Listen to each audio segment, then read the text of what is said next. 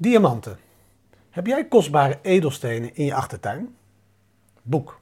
Maximum Achievement van Brian Tracy. Laten we het hebben over diamanten. Het is een klassiek ouderwets zelfontwikkelingsverhaal. Heb je het ooit gehoord? Nou, hier komt de superkorte versie.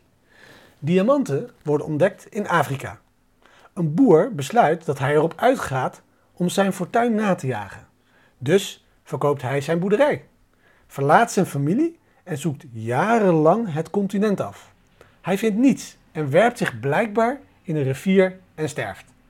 Kijk, de man die zijn boerderij heeft gekocht, ontdekt een grappig uitziende rots op zijn nieuwe land.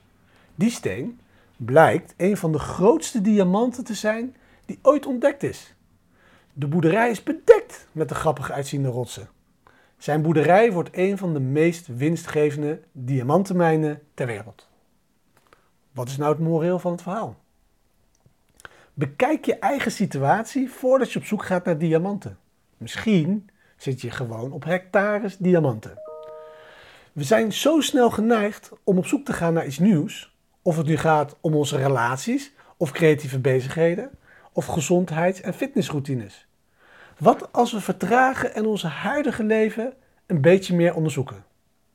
De microles van vandaag is: welke grappige, uitziende rotsen heb jij in je achtertuin die misschien wel van onschatbare waarde zijn?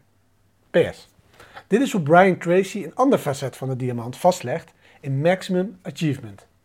De moraal van dit verhaal was dat de oude boer niet besefte dat de diamanten er in een ruwe vorm niet uitzien als diamanten. Ze zien er gewoon uit als rotsen voor een ongeschoold oog. Een diamant moet geslepen, gepolijst en gezet worden voordat hij eruit ziet als een soort diamant dat je in een juwelierszaak ziet. Evenzo liggen jouw hectares diamanten waarschijnlijk onder je eigen voeten.